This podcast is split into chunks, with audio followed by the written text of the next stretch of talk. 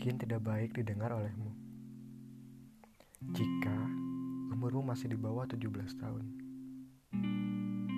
Tapi aku akan berusaha untuk menceritakan kisah ini dengan sehalus mungkin. Agar kamu yang aku maksud di awal tetap bisa mendengarkan kisah ini. Sebuah kisah yang dimulai saat sore hari. Saat itu bumi sedang menangis. Tidak terlalu lebat. Hanya rintik ringan, namun konstan membasahi tanah yang sering Rara pijak. Rara yang masih menggunakan kemeja putih serta rok abu menunggu tanpa kepastian kapan hujan ini akan reda. Kapan bumi ini akan berhenti menangis. Sehingga Rara bisa melangkah untuk pulang. Rara bukan apa daya menembus rintik hujan itu.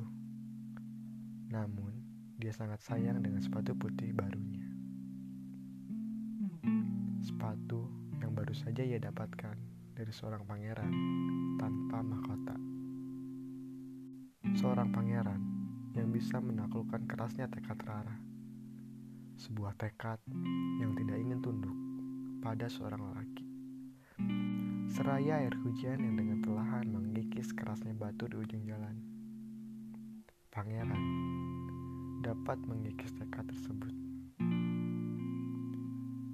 Kini Rara sepenuhnya berada pada pelukan sang pangeran. Pelukan yang awalnya menenangkan, perlahan berubah menjadi sebuah ancaman. Kehidupan Rara perlahan terkurung dalam belenggu.